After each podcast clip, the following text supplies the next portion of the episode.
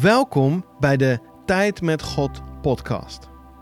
In deze podcast wil ik jou helpen in jouw tijd met God. En we starten met een nieuwe serie. Een serie over geloofshelden.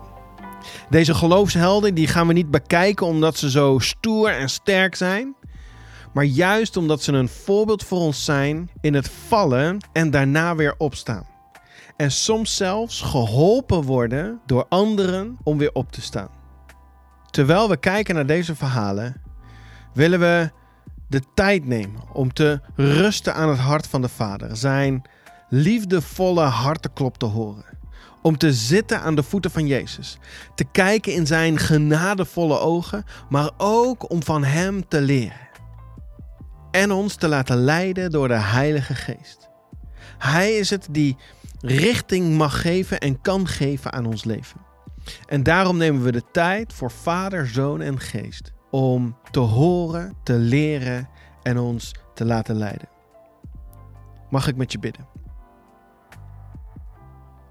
Heere God, we aanbidden u als onze Heer. Dat we onze Heer mogen zeggen, dat is al zo bijzonder. En daar danken we u voor. Dat u zich er niet voor schaamt om onze God genoemd te worden. Dat wij gewoon mogen zeggen dat wij uw kinderen zijn. En dat dat is door wat Jezus voor ons heeft gedaan. Koning Jezus, we prijzen u omdat u de weg bent gegaan die niemand anders kon gaan. En Geest van God, we vragen u als we de Bijbel openslaan, als we tijd nemen om te luisteren naar u. Wilt u uzelf aan ons openbaren en daarmee ook richting geven aan ons leven? Amen. De eerste geloofsheld waar we naar gaan kijken is Petrus, leerling van Jezus. En we gaan kijken naar een verhaal helemaal aan het eind van Jezus' leven hier op aarde. Dan kijken we in Johannes 21 en we lezen vers 1 tot en met 3 vanuit de Basisbijbel. Hierna liet Jezus zich opnieuw aan zijn leerlingen zien. Dat was bij het meer van Tiberias. Dat ging zo. Simon Petrus, Thomas Didymus, Nathanael uit Cana in Galilea, de twee zonen van Zebedeus en nog twee van Jezus' leerlingen waren bij elkaar. Simon Petrus zei tegen hen: Ik ga vissen. En ze antwoordden: We gaan met je mee. Ze vertrokken met de boot, maar die hele nacht vingen ze niets. Deze drie versen zijn op zich als je ze losstaand bekijkt, helemaal niet zo heel erg bijzonder. Het zijn een paar mannen die het gewend waren om te vissen, die vaker gevist hadden. Die kijken elkaar aan en een van die mannen zegt: Ik ga vissen, en de andere mannen gaan mee. Als je het op deze manier bekijkt, is het eigenlijk niet eens zo'n heel erg bijzonder stukje. Het wordt bijzonder op het moment dat je iets over Petrus weet. Petrus is namelijk inderdaad ooit een visser geweest. Maar er is een ander belangrijk moment in het leven van Petrus geweest, zo'n drie jaar eerder. Hij was samen met zijn broer aan het vissen aan het meer van Tiberias. En terwijl hij daar aan het vissen was, komt er een man voorbij lopen. En deze man, die kijkt hem heel liefdevol in de ogen en die zegt tegen hem: Kom, volg mij. En ik zal maken dat jij een visser van mensen wordt. Deze man, dat was natuurlijk Jezus. Jezus, de rabbi, de leraar, die komt bij Petrus, kijkt hem in de ogen en zegt tegen Petrus: Ik heb iets beters voor je. Je bent nu vissen aan het vissen en ik ga van jou een visser van mensen maken. Ik wil jou graag inzetten in de opbouw van mijn koninkrijk. En Petrus die laat zijn netten vallen en die gaat met Jezus mee. Een tijd later, ergens in dat verhaal, in dat optrekken met Jezus, is Petrus met Jezus in gesprek. En Jezus heeft een vraag gesteld. Wie zeggen de mensen dat ik ben? En er komen allerlei namen voorbij. Sommige mensen zeggen dat u Elia bent, anderen denken dat u Mozes bent. En, nou, en, en weer anderen zeggen dat u gewoon een bijzondere profeet bent. En dan zegt Jezus, en wie denken jullie dat ik ben? En dan stapt Petrus naar voren en Petrus die zegt, u bent de Messias, de zoon van de levende God. Jezus kijkt hem aan en hij zegt: Petrus, omdat jij dit gezegd hebt, dit getuigenis dat jij nu geeft, deze geloofsbeleidenis zou je kunnen zeggen, die is zo belangrijk. Daarom zal ik ervoor zorgen dat jij een steunpilaar van de kerk wordt. Door het getuigenis, door de geloofsbeleidenis die jij geeft. En Petrus die, die, die groeit maar door en die groeit maar door. En die wordt een echte sterke leerling van Jezus. Hij maakt hele bijzondere dingen mee. Dus je ziet dat Petrus inderdaad bezig is om te groeien in het zijn van een visser van mensen. In het optrekken met Jezus zie je dat dat steeds meer tot uiting komt. En dan een ander moment in het leven van Petrus. Ze hebben het laatste avondmaal gevierd. Ze gaan naar de hof van Gethsemane. En dan komt er een club mannen aan. Die pakken Jezus op en Jezus wordt meegenomen. En Petrus gaat er stiekem achteraan. En dan komen ze op de plek waar Jezus wordt verhoord. En dan is er een dienstmeisje die hem herkent en die zegt: Hé, hey, maar, maar jij hoort toch ook bij Jezus? En Petrus zegt: Waar heb je het over? Ik, ik ken hem niet. En nog een keer komt er iemand naar hem toe en die zegt: Ja, ja, ik ken jou. Jij hoort ook bij Jezus. En Petrus zegt opnieuw: Ik weet niet waar je het over hebt, man. Ik, ik, ik ken hem niet eens. En een derde keer komt er iemand bij hem en die zegt: Ja, jij hoort bij die man die daar nu verhoord wordt. Petrus begint zelfs te vloeken. Waar heb je het over? Ik ken hem niet eens. En op dat moment kruisen de blikken van Jezus en Petrus elkaar. En het enige dat Petrus kan doen, is in huilen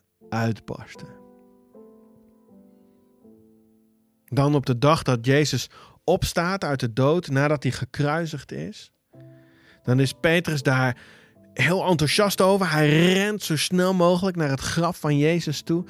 Maar niet veel later zien we dat Petrus toch ergens teleurgesteld is. Dat lezen we in deze drie versen. Dat lezen we eigenlijk in de drie woordjes die Petrus zegt. Ik ga vissen. Petrus, die gaat weer vissen. Drie jaar geleden zei Jezus tegen hem: Ik zal maken dat jij een visser van mensen wordt. Petrus heeft het drie jaar lang geprobeerd. Hij is drie jaar lang met Jezus op pad geweest. Hij heeft gefaald, hij, heeft, hij is gegroeid. Hij heeft van alles meegemaakt. Hij heeft het geprobeerd en nu moet hij tot de conclusie komen: het is niet gelukt. Het is niet gelukt om een visser van mensen te worden. Het is niet gelukt om een goede leerling van Jezus te zijn. Want op het moment dat het erop aankomt, dan deins ik terug.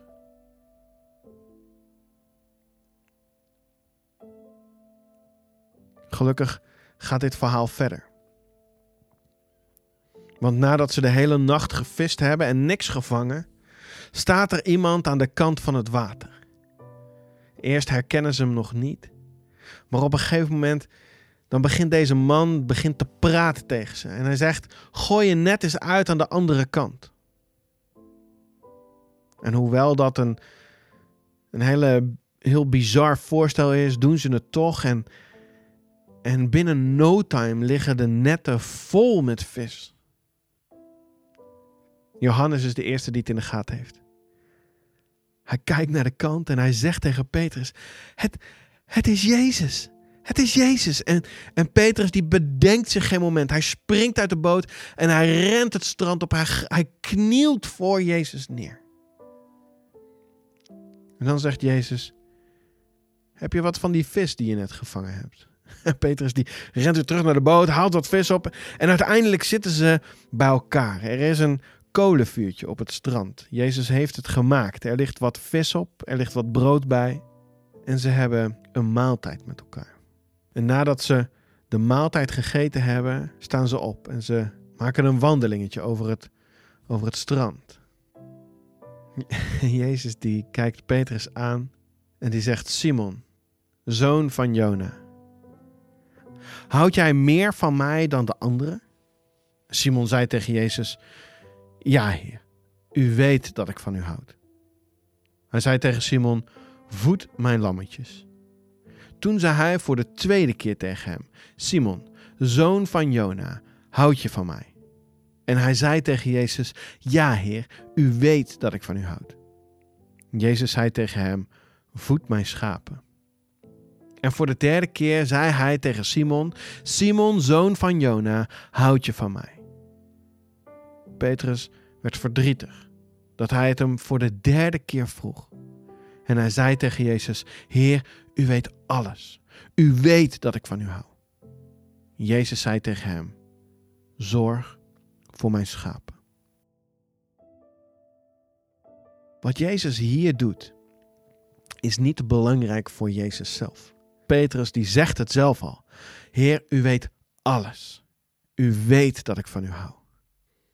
En toch zet Jezus deze stap naar, naar, naar Petrus toe.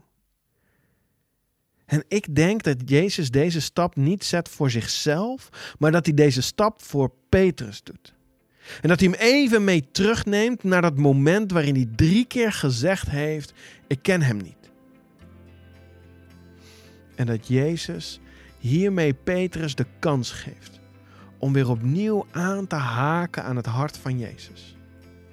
En om in de genadevolle, liefdevolle ogen van Jezus te kijken.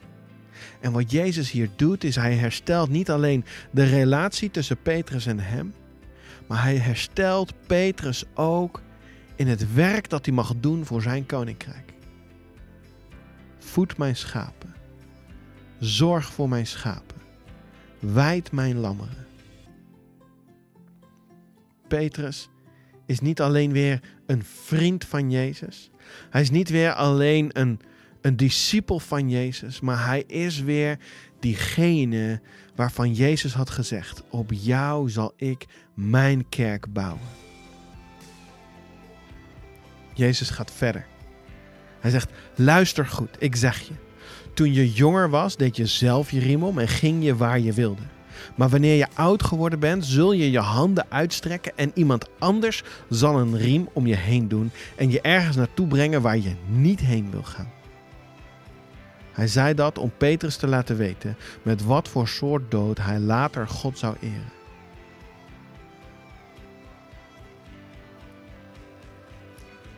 Jezus die zegt hier tegen Petrus dat wat je vorige week niet kon, toen je tot drie keer zei dat je mij niet kent. Dat wat je niet kon, dat ga je in de toekomst wel kunnen. Jij gaat je leven geven voor het koninkrijk. Je kan het niet, maar je zult het wel, omdat ik het in jou ga bewerken. Daarna zei hij tegen hem: Volg mij. Diezelfde woorden die Jezus ook uitsprak de eerste keer toen ze aan het meer van Tiberias stonden.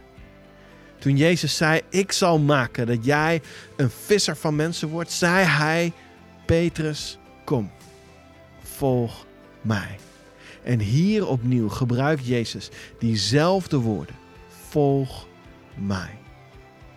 Wat Jezus daarmee tegen Petrus wil zeggen: Petrus, ik geloof dat jij het in je hebt om te kunnen worden zoals ik.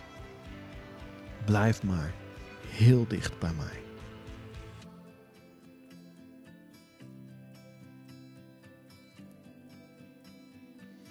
Wat we zien hier in het leven van Petrus is dat hij keihard gefaald heeft.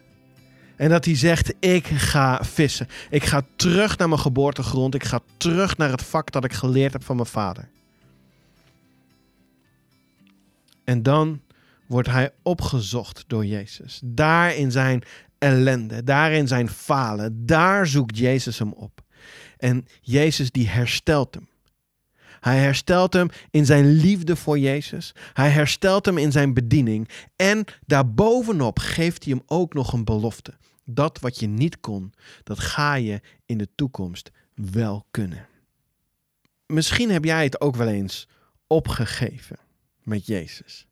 Dat er momenten in je leven geweest zijn waarin je geen zin meer had om met de dingen van Hem bezig te zijn. Dat Jezus naar de achtergrond verdwenen is. Of dat je een hele lange pauze hebt genomen in jouw leven met Jezus. Door dit verhaal heen mag je weten, Jezus geeft jou niet op. En misschien voelt het wel zo, maar Jezus staat nog aan de rand van het meer te wachten. En, en, en hij roept je zelfs aanwijzingen toe. Om, om vervolgens erop te wachten dat jij uit die boot springt, het strand oprent en neerknielt aan zijn voeten. Zodat hij jou daar de kans kan geven om jou opnieuw uit te laten spreken. Heer, u weet toch dat ik van u hou. Ook in jouw leven wil Jezus jou tegemoet komen met de vraag: hou je van me? Eigenlijk is dat ten diepste het enige dat Jezus wil horen. Hou je van me? Misschien heb jij het opgegeven, maar Jezus geeft het niet op met jou.